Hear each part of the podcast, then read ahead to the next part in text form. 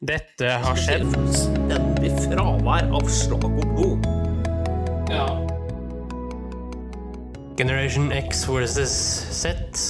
Sandberg Productions presenterer Den ekte samtalen om og med generasjon X og Z.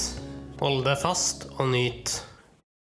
Hei, hei, kjære lytter, og hjertelig velkommen til eh, dagens episode av eh, Generasjon X versus Z. Og i dag, kjære kompanjong, så er vi i del én av en todelt serie om den russiske revolusjonen. Ja, det passer jo utmerket for unge herren, gjør det ikke det? Jo. Skal vi si for deg, du eh, Politisk så er det jo så langt unna, forstår jeg. Eller? Nei, men det kan vi la ligge, kan vi ikke det? Nei, gjerne. Jeg er på den helt andre sida, nesten. Ok, eh, vi skal til den russiske revolusjonen. Ja. Og eh, hva har du å formidle? Nei, det jeg har å formidle, er at eh, den begynte i år 1917 å få eh, Det ble sådd noen frø, da. Øst i Europa.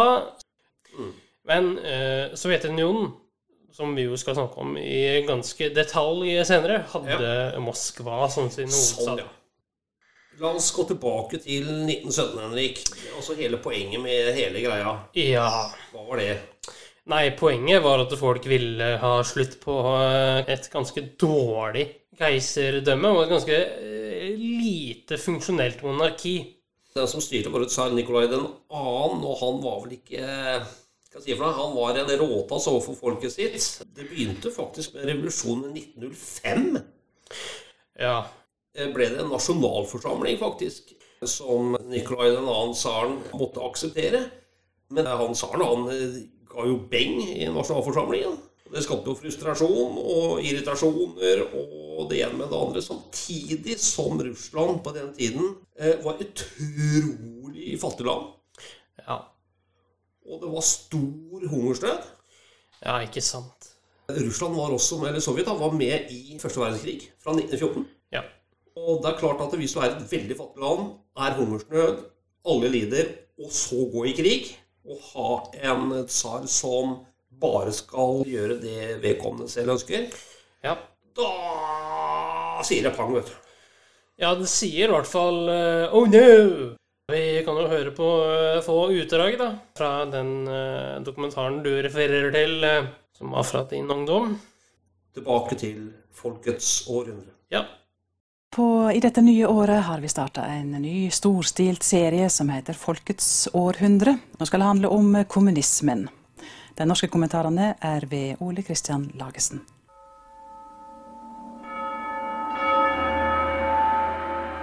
I det året 1917 begynner, er det russiske imperium fortsatt styrt av en nærmest eneveldig tsar.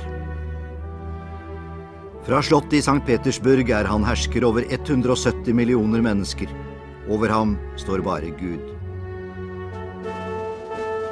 Nikolai 2. har mer makt enn noen annen monark i hele Europa. Han har stått imot krav om politiske endringer, men likevel er tsarens dager talte. I St. Petersburg streiker misfornøyde og sultne arbeidere. Russland har deltatt i den første verdenskrig i nesten tre år, og tsarens store hær er preget av sviktende moral og motivasjon. Russerne har måttet tåle nederlag på nederlag. To millioner russiske soldater er drept. I februar 1917 kommer den første revolusjonen. En midlertidig regjering tar makten. Tsaren må abdisere og blir arrestert. Det som siden skjer, endrer verdenshistorien. Russerne trodde at friheten nå var vunnet for godt. Revolusjonen ble feiret av arbeidere og soldater i fellesskap. Opprøret i hæren hadde betydd mye for fjerningen av tsarregimet. Folk flest ventet nå valg og en grunnlovsgivende folkeforsamling som kunne avgjøre Russlands framtid.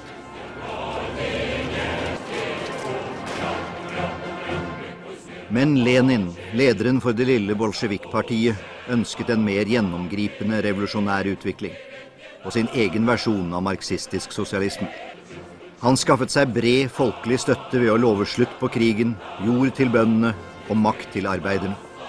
I oktober bestemte bolsjevikene seg for å prøve å ta makten. Den 25. oktober rykket bolsjevikene fram mot Vinterpalasset, der den midlertidige regjeringen holdt til. Om bord i et krigsskip bak Vinterpalasset sto bolsjevikiske marinesoldater klar til å gi startskuddet for siste fase av kuppet. I virkeligheten møtte bolsjevikene liten motstand, bare fem ble drept. Men filmversjonen med bildene av tusener som stormet fram, var viktig i arbeidet med å skape en av revolusjonens sentrale myter i heltehistorien om hvordan arbeiderne tok makten. Samme natt talte Lenin til de revolusjonære arbeiderrådene og fortalte dem at nå var Russland slått inn på en ny vei som ledet til sosialismens seier. Fra nå av, sa han, skal de undertrykte massene selv danne regjering. Mange ble skremt av Lenins ord og fryktet bolsjevikenes styre. Men de som stolte på Lenin, var fulle av håp og entusiasme. Что будущее России пойдет по другому пути,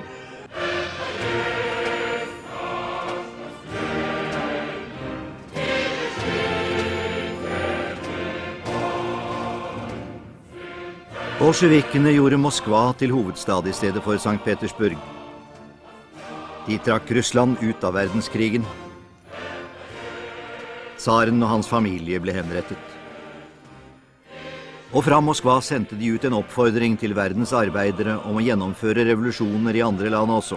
Proletariatet i andre land burde følge de russiske kommunistenes eksempel, fjerne konger og kapitalister, og derigjennom sikre en verden uten krig. Harry Young dro til Moskva i en delegasjon fra det lille britiske kommunistpartiet. And Zinoviev, who was the chairman, said the next speaker will be Comrade Lenin. Dead silence. 3,000 people from all over the world. And a little man, or not much bigger than me, broader shouldered, with rather Mongolian looking face, very bald head. And he just uh, talked to him like a Dutch uncle. Let's go ряде стран победила уже советская власть. and that uh, the Bolshevik Party would successfully lead it. That next, next would be Germany, then France, then Italy. Det var de kommunister som prøvde seg og ville utnytte den politiske uroen etter verdenskrigens slutt. Kommunistene prøvde å ta makten i Berlin, i München hadde de kontroll en kort stund. I Ungarn varte en sovjetrepublikk i flere måneder. Men seirene var få og kortvarige. Alle forsøk på kommunistopprør ellers i Europa ble knust. Og i Russland ble bolsjevikenes revolusjon utfordret i en blodig og brutal borgerkrig. Styrkene som støttet det gamle regimet, fikk hjelp fra vestlige land. I 1921 hadde bolsjevikene vunnet den endelige seieren. Men det partiet som nå hevdet at det talte på folkets vegne, hadde aldri hatt støtte fra noe flertall. Lenin og hans indre krets hadde nå skapt en stor, hemmelig politistyrke som hadde i oppdrag å knekke, terrorisere og om nødvendig drepe politiske motstandere. Samtidig ville bolsjevikene, eller kommunistene som de nå kalte seg, prøve å få med seg folkeflertallet. De satset på moderne massepropaganda. Egne tog ble sendt ut med vogner der partiarbeidere spilte politiske, propagandistiske skuespill. Mange russere så et skuespill for første gang på denne måten, og budskapet var at framtiden var lys under kommunismen.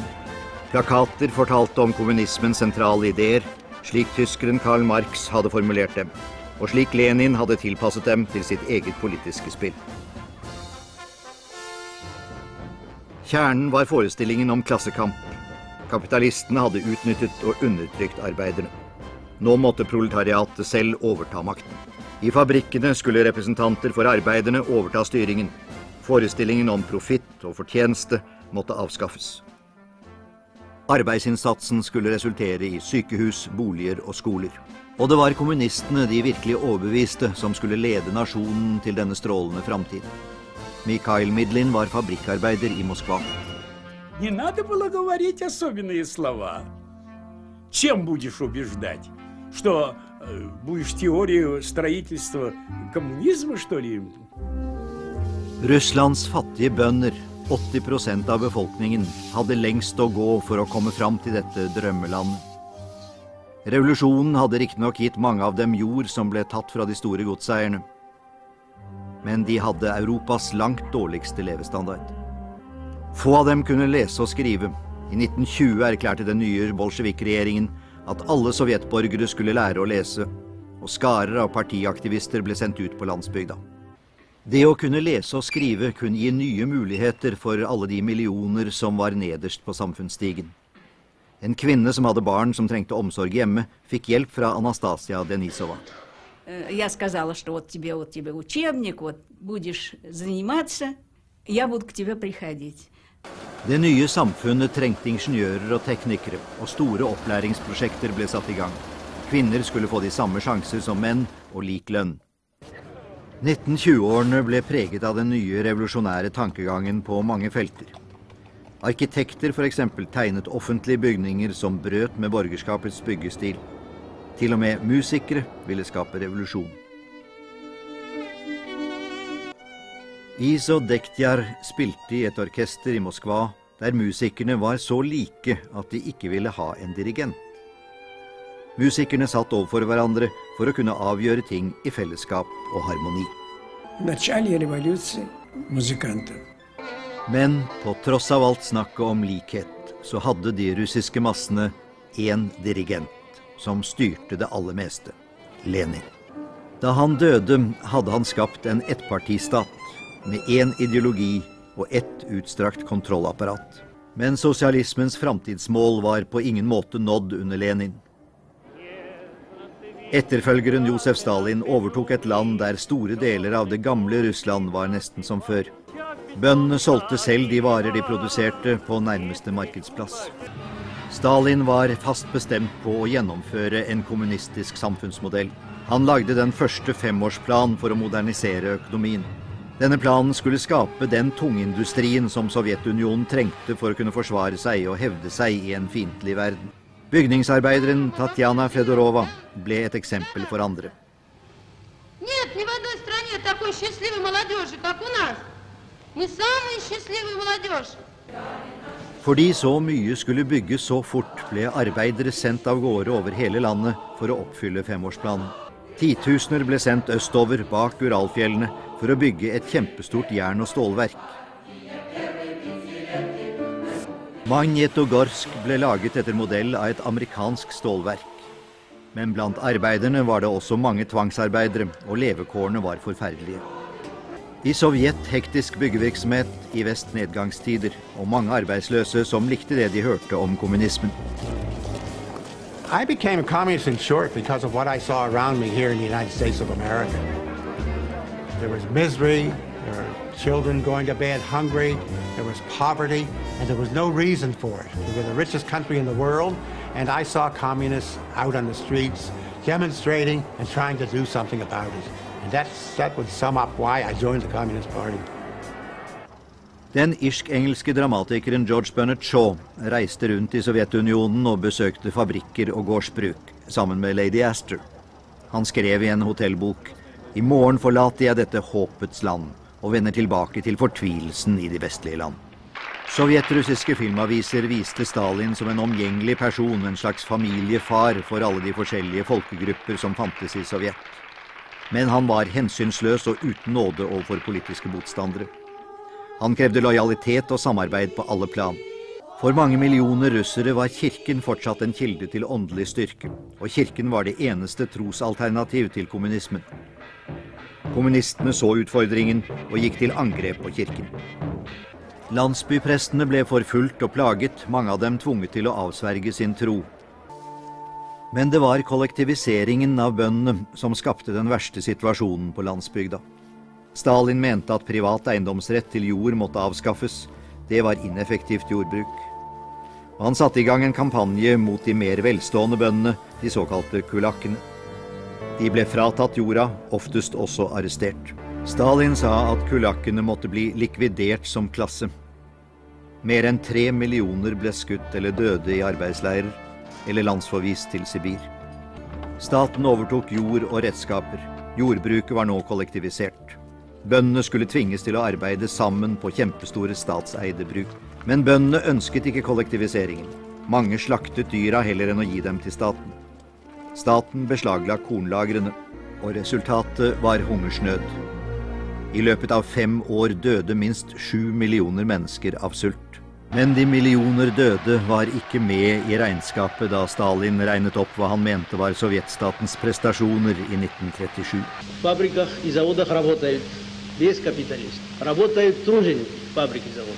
det ble hevdet at applausen etter Stalins taler var så lang fordi ingen våget å være den første som sluttet. For Stalin brukte brutale metoder også mot alle som kunne tenkes å opponere mot ham. Lederen av verdens første arbeiderstat levde i luksus. Og han stolte ikke på noen, ikke engang de nærmeste medarbeidere. Én etter én ble gamle kommunistledere, som hadde vært med under den politiske økonomiske endringsfasen, knust av ham som de hadde hjulpet til makten. En av dem var Nikolai Bukharin. Han våget å kritisere Stalin, og han ble først gitt husarrest sammen med sin unge kone. Han var fortsatt en overbevist lojal kommunist da han ble arrestert. О, это было страшно, трагично. Он буквально пал передо мной на колени. Bukharin fikk sin dom i en av en serie med rettssaker som ble holdt som propagandashow for å skape frykt og lydighet. Selve rettssakene var en blanding av falske beviser, falske anklager og såkalte tilståelser framtvunget gjennom tortur, hjernevask og trusler mot familien. Stalins sykelige følelse av å være forfulgt til enhver tid bare økte, og med den terroren. Ingen kunne føle seg sikker, enten de nå var innenfor eller utenfor kommunistpartiet. Det hemmelige politi ga hver region en mer eller mindre tilfeldig kvote for utrenskningene. Gruppe 1 betydde dødsdom, gruppe 2 fangeleir eller straffarbeid.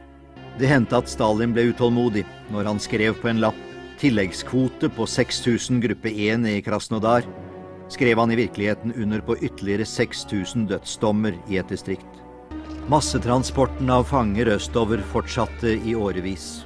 Fangene endte i hundrevis av leirer i de mest utilgjengelige og ugjestmilde deler av Sovjetunionen.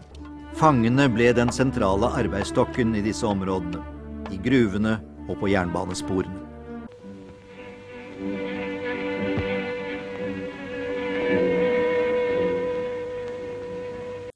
Ja, Ja da. litt av en historie. Ja, og ut ifra de utdragene som lytteren hørte nå, så var det jo ganske mye som skjedde, da, i løpet av de, de årene. Det var jo snakk om eh,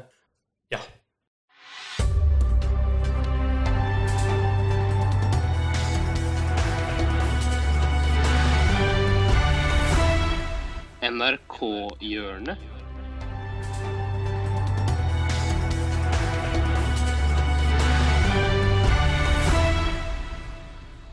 Ja da.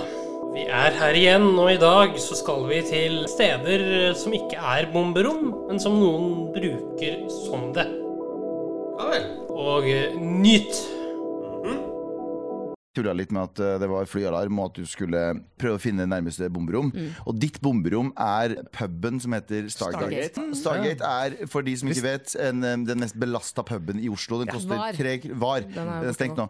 Men eh, den koster tre kroner for ølen, og så sitter det bare det sykeste Og så hadde de karaokemaskin helt bakerst. Jeg, har på, jeg har også vært på date der eh, for mange år siden. Og det beste med han som drev sjappa, eldre pakistansk uncle, pleide alltid å kjefte på en eller annen østeuropeer der Ja, ja, inne. Pleide å gå mad ham og roaste dritten ut av dem. Altså, Ta alle disse eh, litt sånn alkoholiserte pubene i Norge, putte i ett sted, og så blander du masse uh, østeuropeere, somalere, p- pakistanere, kurdere i det stedet. Men, Du men kommer ikke inn hvis du ikke har portvinsnese der. ja, ja, 100% Men det jeg syns er fascinerende, er at ditt nærmeste bomberom For alle i Norge har jo et designert bo- bomberom til sitt område. At ditt nærmeste bomberom er altså rett ved Stargate. Det vil si at når du kommer ned i det bomberommet, så vil du egentlig opp og bli bomba Ja. isteden.